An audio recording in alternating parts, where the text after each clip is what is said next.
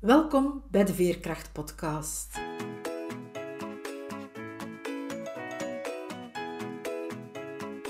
Ik ben Veerle Schaltien, levensverhalen en schrijfcoach.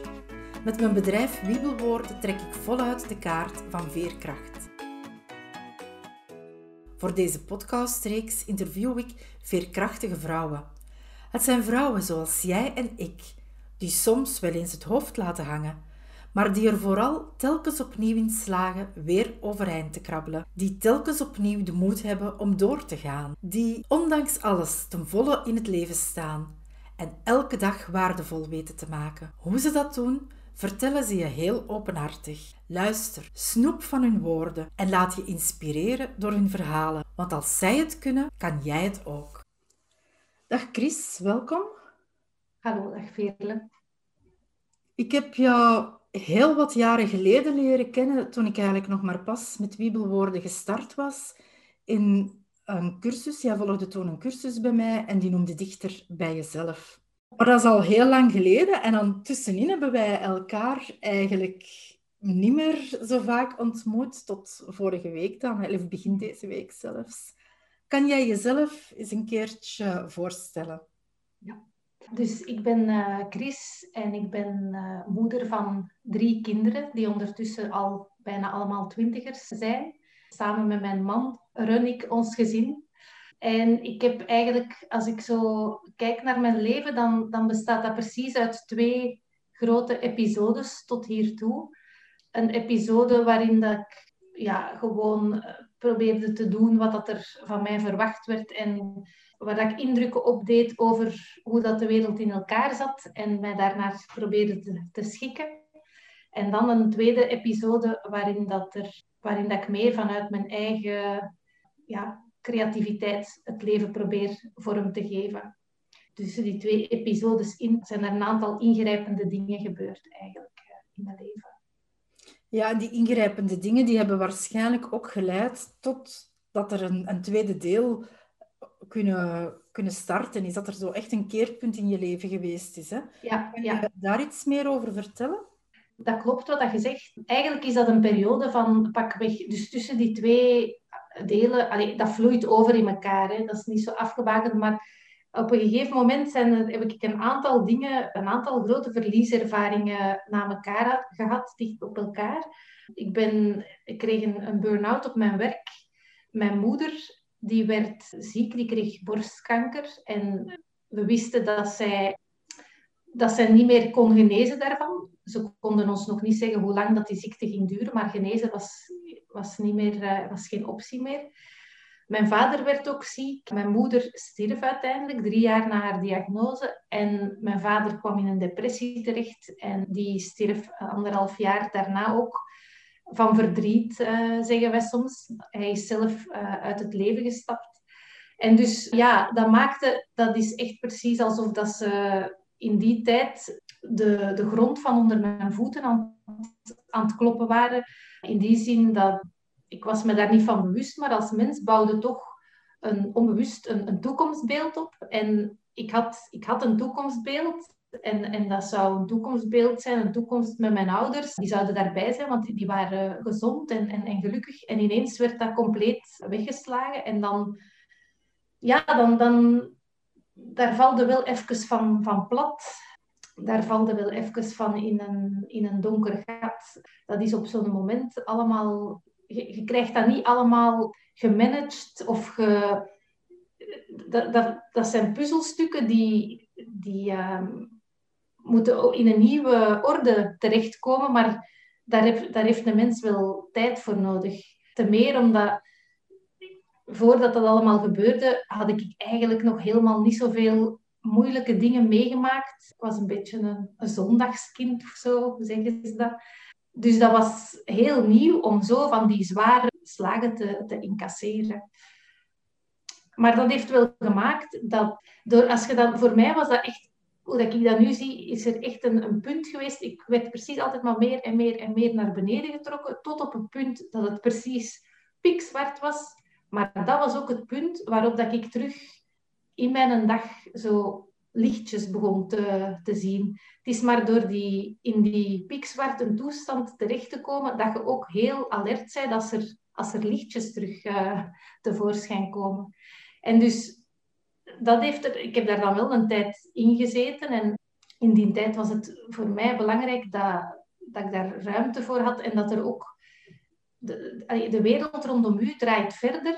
Maar je merkt wel dat je ook mensen dan stilletjes aan tegenkomt die ook al eens iets ingrijpend hebben meegemaakt en die, ja, die daarin een soort van ervaringsdeskundige in zijn en waar dat je op zo'n moment steun aan hebt, omdat je ziet van ja, die hebben daarin gezeten en die zijn daar terug uitgeraakt. En die hebben nu terug een leven dat luchtiger aanvoelt. Die komen ook nog dingen tegen, maar ja, door zo'n keer door dat proces te gaan en helemaal tot op een bodem te gaan, op een bepaalde manier krijg je daar ook wel uh, vertrouwen door voor dingen die dat je dan daarna terug nog meemaakt. Van, dat je weet van, ja, oké, ik zit weer in dat proces, ik ga weer naar de bodem, maar ik kom... En dat is dan toch bij mij dan alleszins, wat dat er daarna gekomen is, qua obstakels, dat was dan toch van een andere intensiteit dan op die moment tussen die twee uh, episodes in mijn leven. Wat dat er ook meegespeeld heeft, is dat vanuit die, die donkerde en dat zien van die sterren, ben ik mij ook wel heel hard gaan beginnen afvragen van, kijk, oké, ik zit hier nu in dit leven, maar dat is eindig. Dat kon ik dan echt aan de lijve ondervinden door mijn ouders die, die overleden waren. En dan begon ik te beseffen van als je nog met verlangens ziet, want die kwamen dan ook wel, dan hoef je die echt niet uit te stellen tot uh, als je op pensioen gaat, bij wijze van spreken, dan kun je daar gerust nu al aan beginnen. En, en dus dat is ook het punt geweest waarop dat ik veel meer ja, gestart ben met het, het waarmaken van verlangens die in mij leefden. En dat, dat begon, heel, begon heel klein. Allee, bijvoorbeeld, ik, ik zong graag als, als kind. En dat was iets wat ik al jaren niet meer gedaan had. En dus besloot ik van, ik ga naar de muziekschool gaan en ik ga zingen. Dat was ook iets waar, waar ik daarvoor geen tijd voor gemaakt had, omdat de kinderen nog, uh, nog klein waren. Maar nu, allee, zo het systeem van ik wacht tot dan of ik wacht tot dan, dat veranderde in ik zet stappen om dit te doen en om dat te doen. En dat is ook mee onderdeel geweest van het, ja, een, een, een uh, constructief proces in, in mijn leven. Ja, dus als ik het goed begrijp, dan ja, je, je verloor op korte tijd je beide ouders. Dat maakte dat de bodem onder jou gewoon weggeslagen werd. Je zakte in een heel, heel, heel diep dal. Maar je kwam af en toe wel eens mensen tegen die ook iets meegemaakt hadden en die daardoor een stukje ondersteunden, omdat zij ervaringsdeskundigen waren. Ja. En dat is dan denk ik de eerste stap geweest om die lichtpuntjes terug te kunnen zien en stilletjes aan weer uit dat dal te kruipen. Samen met dan de creatieve dingen die je gaan ondernemen bent. Ja, absoluut. Ja, dat, dat, versterkt elkaar. In het begin zijn dat zo, dan heb je dat, dan heb je dat, maar dan na een tijd begint dat elkaar te versterken en dan komen er nog meer mensen tegen en dan ja, dan, dan kunt je daar ook, je geraakt daardoor ook een beetje geïnspireerd. Plus, je merkt ook van dat je, doe, je begint dan heel goed in contact te staan met, met wat dat je eigenlijk graag wilt. En als je dan daar stappen in zet, dan, dan sterkt u dat ook. Want dan geeft, bij mij gaf mij dat terug het gevoel van, oké, wat dat er rondom mij gebeurt, ik heb dat helemaal niet allemaal onder controle. Maar ik kan wel stilstaan bij mijn verlangen en daar stappen in zetten. En daar heb ik wel zelf de regie over.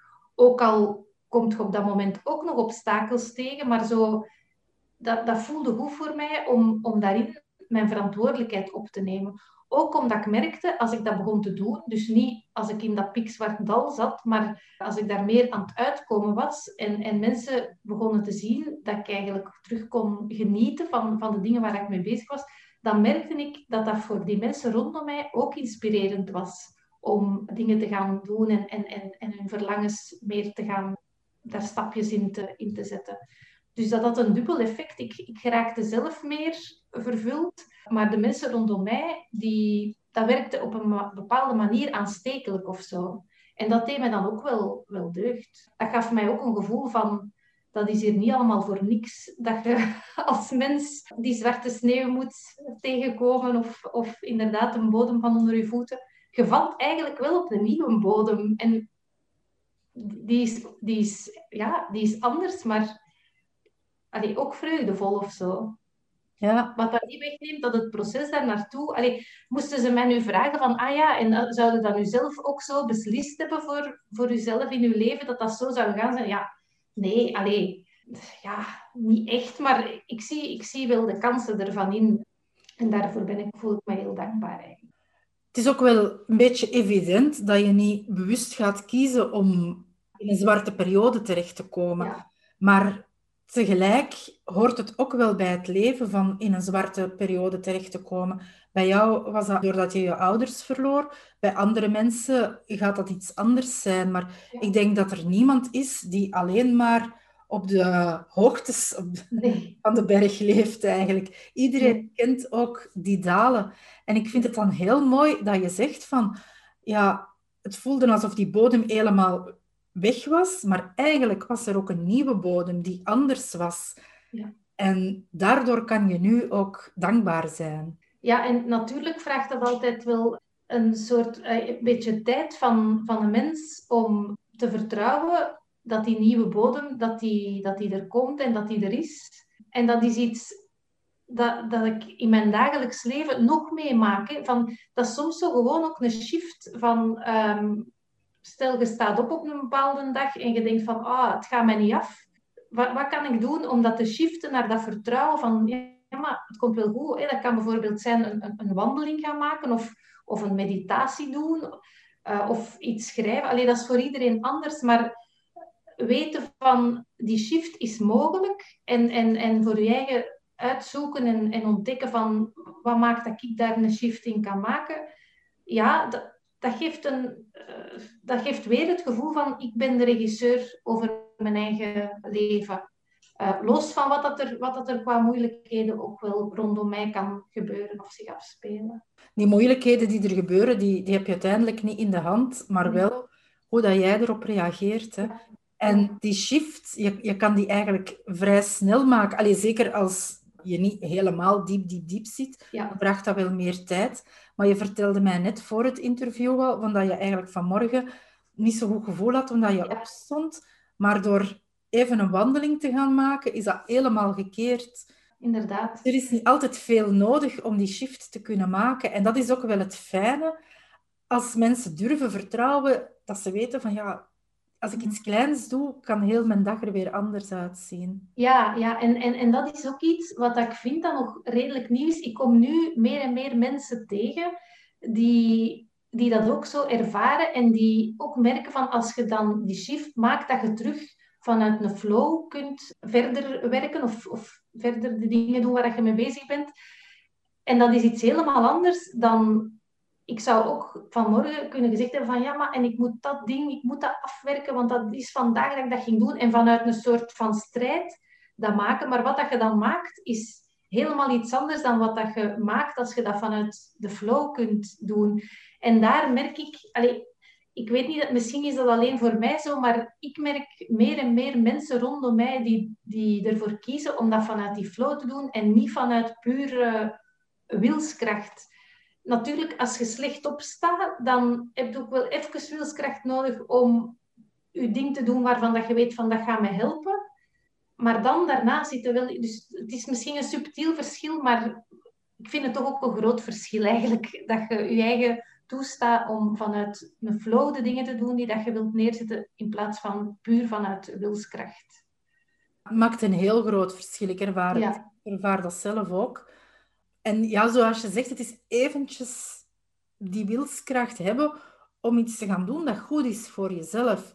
En ja. ik noem dat zelf niet wilskracht, maar het is je ook eigenlijk er durven op vertrouwen dat je goed mag zijn voor jezelf. Zo ervaar ik het. Het kan wel zijn dat bij jou echt uh, dat jij het ervaart van het is wilskracht.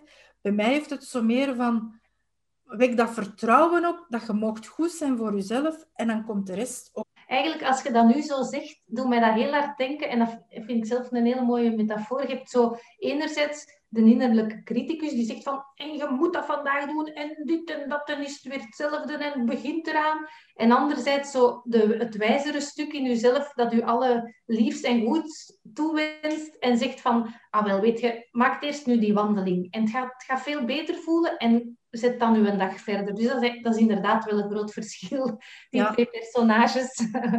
En die innerlijke criticus, die doet alles om jou te laten geloven dat dat wijsstuk in jou eigenlijk het domme stuk is. Hè? Ik denk dat dat ook voor een stuk nog een beetje ingebakken zit in onze cultuur of, of samenleving. Maar allee, doordat je merkt van dat daar toch heel veel mensen van aan terugkomen zijn, ik, ik zie dat als een dynamisch gegeven, iets dat in verandering is, ook in het algemeen.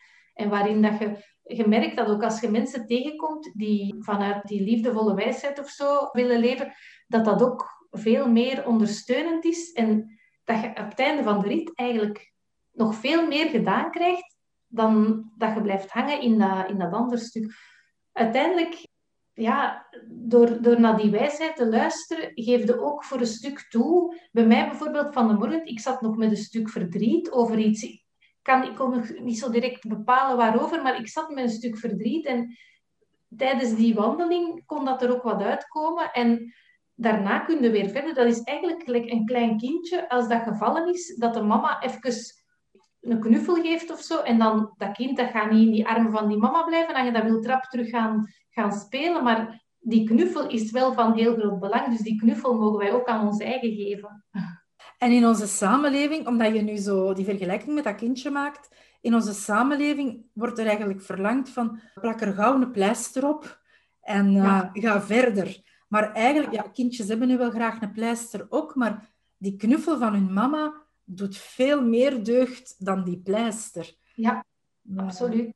absoluut. De samenleving die is heel lang heel mannelijk geweest. Ja. En wat ik nu ervaar, is dat het mannelijke en het vrouwelijke meer in evenwicht mag komen. En dat vrouwelijke, dat is dat van uit zelfzorg werken, uit ja, je toestaan vanuit flow te werken. Dat ervaar ik toch als het vrouwelijke. En zoals jij zegt, ik merk dat in heel de samenleving. Ik merk dat ook. En ik denk dat het daardoor is dat wij ook meer en meer mensen tegenkomen die erin slagen van, vanuit die flow te werken. Ja, ja. En ik hoop dat met deze podcast uiteraard ook te bekomen dat meer en meer mensen dit horen en daardoor geïnspireerd geraken. En echt wel ja, het zichzelf ook toestaan van zo ja. leven te staan en, en zo te werken. Ja, want uiteindelijk veerkracht hangt daar ook mee samen helemaal. Hè. Dat is juist die verende beweging van inderdaad jezelf toestaan, eh, zacht te zijn voor je eigen en te zien wat, wat leeft er eigenlijk in mij en daar dat er te mogen laten zijn en dan weer verder te gaan. Dat is voor mij ook echt heel erg die, die veerkracht. Iets helemaal anders dan heel de tijd uh, ja, een, een, masker moeten opzetten en maar gaan en gaan en wat het er van binnen in je leeft, totaal geen bestaansrecht geven. Dat is ja, het tegenovergestelde. Dus ik denk dat die, die podcast daarin zeker van betekenis kan zijn. Ja, ik hoop het alvast. Ja, ja. Het heeft voor mij ook nog een stuk te maken met de moed voor jezelf vinden om naar je kwetsbaarheid te mogen gaan en, en daar niet bang van te zijn. Niet bang te zijn van, van uw verdriet of, of, of uw kwaadheid of uw angst, maar daar naar te kijken van... Want dikwijls als je daar contact mee maakt, dan... Ja, dan, op een of andere manier smelt dat dan ook. Het is omdat door het altijd weg te duwen, dat het zo soms grotere proporties aanneemt dan, dan nodig. In jouw heel donkere periode ben jij er ook bewust gaan naar kijken? Hè? Want je vertelde daar net al, ik kwam andere mensen tegen die mij een stukje op weg gezet hebben.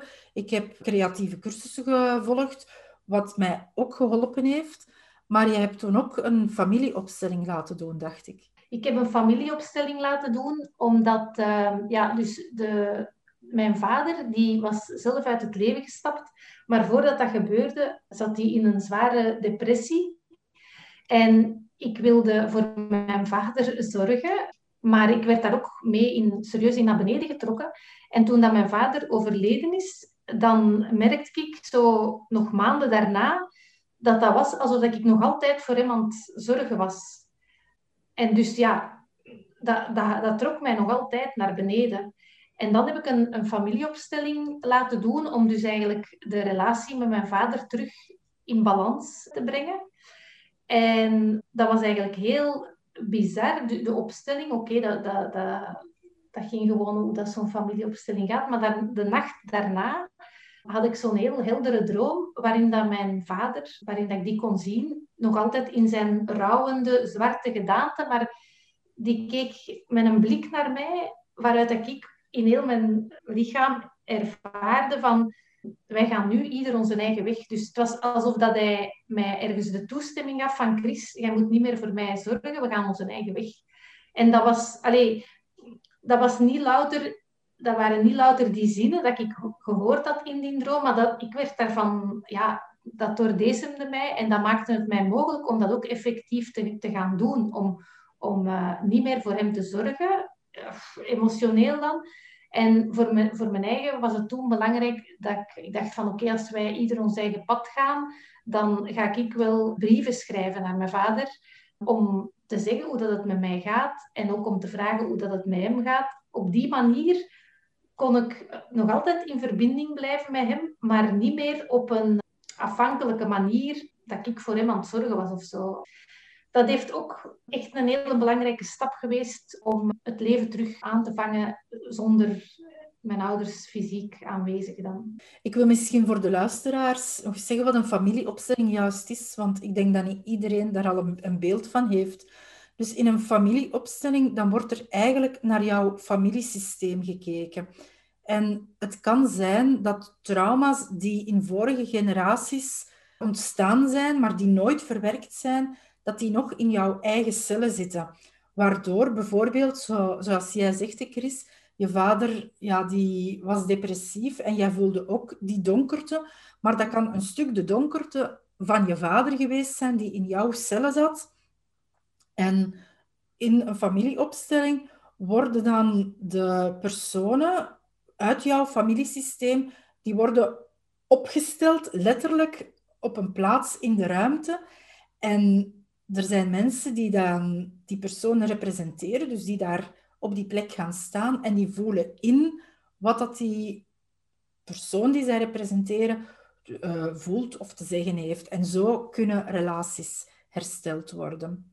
Ja, dat is dus op heel energetisch niveau dat dat werkt, maar ik heb zelf al heel vaak mogen ervaren dat het ja, bijna... Je kan drie, vier maanden therapie doen of je kan één opstelling doen om hetzelfde effect te hebben. Ja. En jij zegt, bij jou is daar dan die droom uit, uit gevolgd.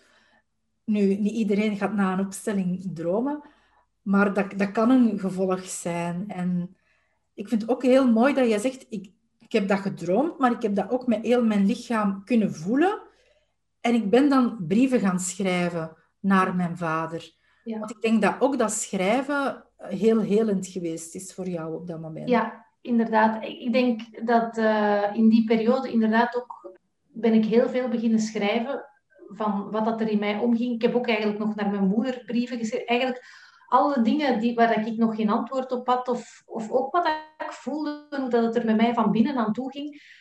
Heel veel rond geschreven. Dus zo, voor mij is dat ook ergens een, een goede manier om zo eh, te verwerken wat dat er op mijn pad komt. Zo mijn, te beschrijven wat dat er zich in mijn innerlijke gevoelswereld eigenlijk afspeelt. Om, daar, om dat op papier te zetten, dat, dat brengt mij ook dikwijls vooruit. Eigenlijk is dat soms ook als, alsof dat ik dan een, een wandeling in het bos gemaakt heb. Dat is ook zo'n manier om, om een shift te maken. Hè. Ik, voor mij betekent dat ook van, dan, dan kom ik eigenlijk uit mijn analyserend stuk in mijn hoofd dat altijd maar vraagt van en waarom is dit en waarom is dat. En dan ga ik meer over naar, naar het creatieve deel. En dat is niet zo, daar, die waarom-vraag is daar niet zo belangrijk. Dat, dat creatieve deel gaat gewoon aan de slag met wat is er nu, wat is er nu op dit moment. En net door daar ruimte aan te geven, transformeert dat op, op een of andere manier al. Dus ja, inderdaad, schrijven werkt voor mij ook heel helend. Ja, het is ook omdat je kan schrijven van, vanuit je hart. Hè? Dus je schrijft niet met je hoofd. Ik vermoed dat je ook vooral met de hand zal schrijven. Allee, zo, zeker die brieven toen. Ja, toen wel. Ik heb toen echt boekjes volgeschreven. Maar ondertussen, als ik nu schrijf, dan is het meestal wel via de pc. Want ik ben ook niet altijd even geduldig en ik kan soms mijn eigen geschrift nadien niet meer lezen. Als ik dan te rap... Uh, ja, er komt dan zo van alles binnen in mijn hoofd en dan, dan gaat dat soms sneller als ik, als ik op, mijn, op mijn pc kan uh, dat intypen. En dan kan ik het achteraf zelf ook nog beter nalezen. Je schrijft nu ook een blog. Ik ben eigenlijk in december vorig jaar ben ik uitgevallen op het werk, omdat er daar ja, heel veel gaande was.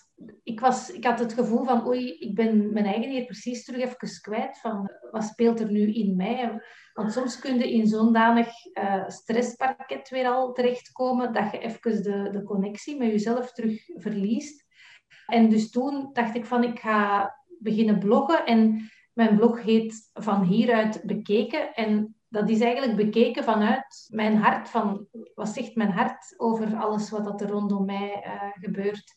En dat is ook iets wat dat mij weer opnieuw heel erg geholpen heeft om terug goed de connectie met mezelf te maken. Ook in turbulente omstandigheden. Ik denk dat dat voor een stukje de rode draad is in mijn leven van hoe blijf ik, los van wat er rondom mij gebeurt, hoe connecteren met wie dat ik van binnen, diep van binnen ben. En ja, er is een soort van diep geloof of zo in mezelf dat ehm, als, als mensen dat allemaal nog meer zouden doen, die connectie maken met hun eigen hart en met, met wat dat daar verlangd wordt, dat wij op een andere manier wel zouden samenleven, op een zachtere en vriendelijke, vriendelijkere manier. En dat dan ja, de kwaliteit van onze relaties eigenlijk, dat die, dat die nog zou verbeteren, waardoor dat wij ook mogelijk moeilijke uitdagingen op een flexibele manier daar, daarmee kunnen, kunnen omgaan. En de reden dat ik dat zeg, is dat ik ook weer merk dat dat, dat met sommige mensen is dat al mogelijk, van zo te communiceren meer vanuit je hart, omdat je zelf goed weet van wat leeft er in mijn hart, is die communicatie met iemand anders ook uitnodigend om ook vanuit het hart te gebeuren. Dat is zo een droom van mij om, ja, om, die rela om relaties meer hartrelaties te, te laten worden en om daar eigenlijk ja, zelf ook een steentje aan toe bij, toe bij te dragen. En mijn blog ik schrijf die, die is heel... ik schrijf vanuit kwetsbaarheid. Ik stel me daar heel kwetsbaar in op. Maar dat is ook voor een stuk omdat ik merk van dat mensen soms zich daarin herkennen en dan reageren. En dan dat dat ook ergens ja, maakt dat andere mensen ook soms moed verzamelen om een keer echt te vertellen van wat leeft er diep in mij. En dat maakt, dat, ja, dat maakt een, een ander soort relatie. Uh, en en dat, dat opent nieuwe perspectieven. Ik denk ook zelfs perspectieven waarvan dat we nu nog niet altijd weten dat ze mogelijk zijn, maar dat we daar toch ergens aan het begin van iets nieuws ook uh, staan. En dat kadert ook misschien wel in, in, in uw, um, wat dat jij zegt over dat mannelijke en dat vrouwelijke, dat dat in balans uh, geraken is.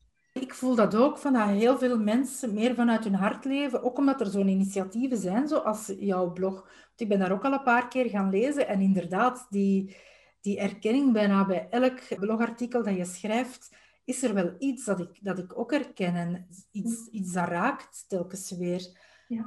En hoe meer mensen dat doen, ja, hoe meer dat die hartsconnectie in het algemeen is. En ik denk, we leven nu in een moeilijke tijd. En ja, de dingen zijn zo aan het verschuiven en een aantal mensen zijn er dan net niet meer mee. En ik mhm. denk, zo, al die regels die ons nu opgelegd worden, nu ook al meer dan een jaar, dat we eigenlijk nog amper mogen verbinden met mensen. En we moeten op een meter ja. afstand blijven, dan met een mondkapje op. Dat dat zo vanuit angst is, onbewust denk ik dat dat gebeurt. Dat er zo gezien wordt van, oei, er is hier iets aan het veranderen, maar wij moeten vasthouden aan die oude patronen. We gaan de macht nog wat sterker zetten, dat, dat de mensen geen vrijheid niet meer ervaren. Maar tegelijk voel ik, ze kunnen dat niet tegenhouden. Want het werkt niet meer. Ik heb mijn podcast, ik zie zo nog heel veel andere initiatieven verschijnen. Ja. En er komen zo overal, overal hartseilandjes. Ja, oh, dat is mooi gezegd.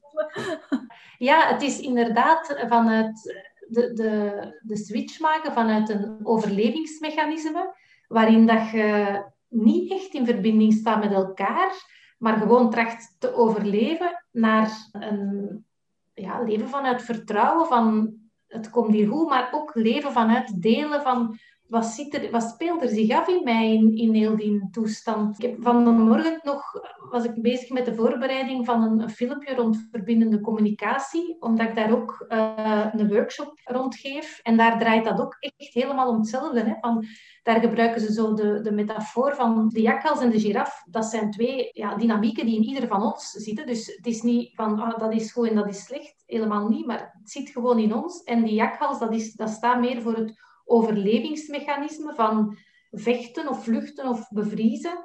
En de giraf is zo het stuk in ons dat, een, dat verder door kan zien, dat op lange termijn kan zien en dat, dat zijn communicatie daarop afstemt. En dat eigenlijk belang hecht aan de, de kwaliteit van de communicatie. Dat, dat, dat, dat wordt de prioriteit voor de giraf. De kwaliteit van de communicatie, elkaar echt zien, echt horen, echt voelen.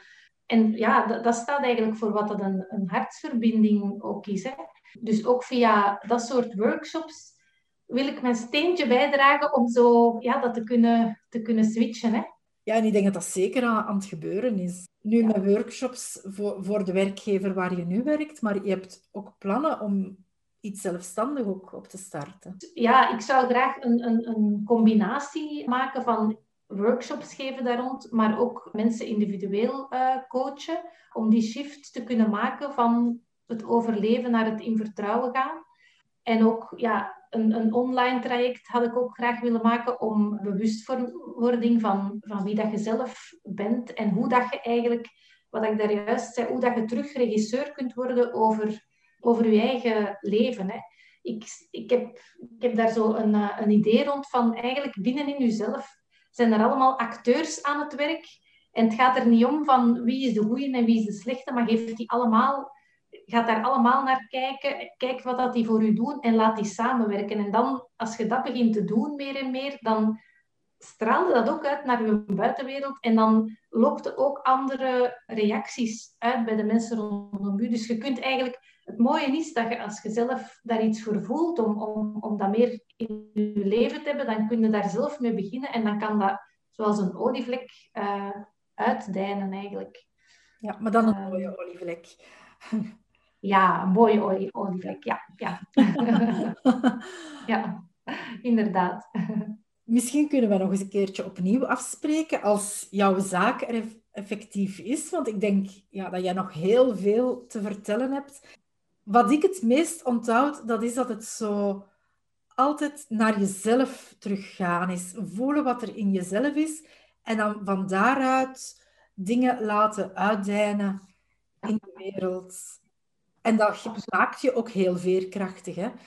Ja, de sleutel ligt volgens mij echt binnen ieder van ons. Ik denk, hoe meer dat we dat uh, beseffen en, en, en daar iets mee doen, ieder op zijn eigen tempo, ieder in de dingen waar dat hij of zij zich goed in voelt, want daar hoeft niks in, in geforceerd te worden, dan denk ik als we dat pad bewandelen, dat het hier nog mooi kan worden. Ja, ik geloof er ook in.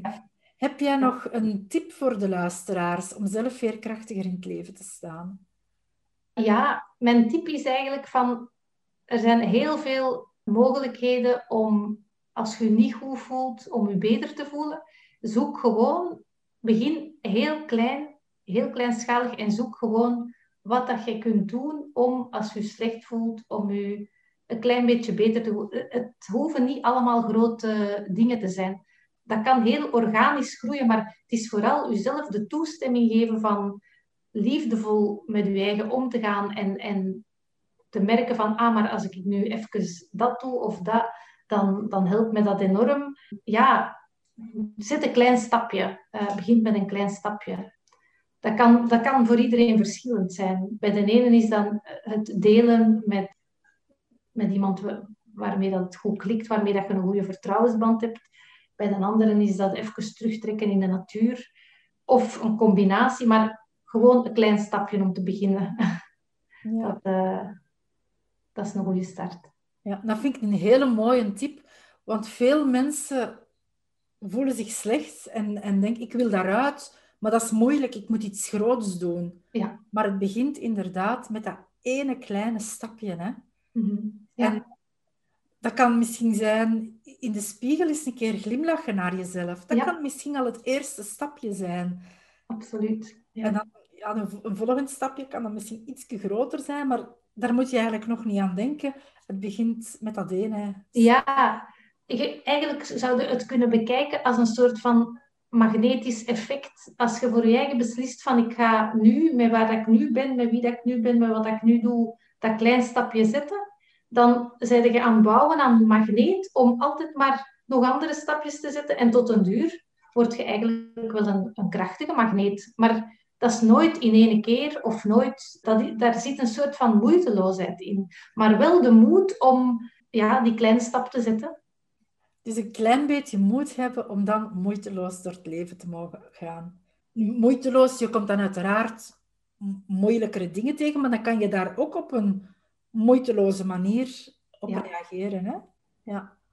Dat is heel mooi, dat er vele mensen hun leven veel moeitelozer mogen zijn dan mm. nu. Hè? Mm, absoluut, ja. Dan wil ik hier graag bij afronden, Chris.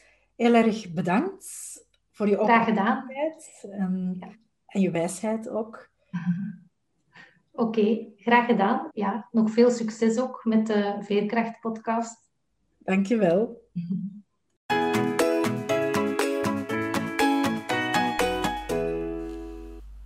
Om jouw veerkracht te ondersteunen, maakte ik de Facebookgroep naar meer flow en veerkracht. Het is een plek waar je je verhaal kan delen en elkaar echt kan ontmoeten. Alles waar Bibelwoorden voor staat, vind je terug in de groep. Schrijfmomenten en schrijfsels, workshops, creativiteit, cirkels, opstellingswerk, essentiële oliën, visualisaties, inspiratie en tips. En vooral heel veel interactie en verbinding. De groep is privé, dus alleen wie bij de Wiebelwoordenfamilie hoort, kan lezen wat er wordt gedeeld. Ik zou het fijn vinden je er te ontmoeten, zodat mijn veerlekracht je op weg kan zetten om zelf meer flow en veerkracht te ervaren. De link naar de groep vind je in de beschrijving bij deze podcast. Je luisterde naar de Veerkracht Podcast. Hartelijk dank hiervoor. Hopelijk heb je even erg van dit veerkrachtige verhaal genoten als ik.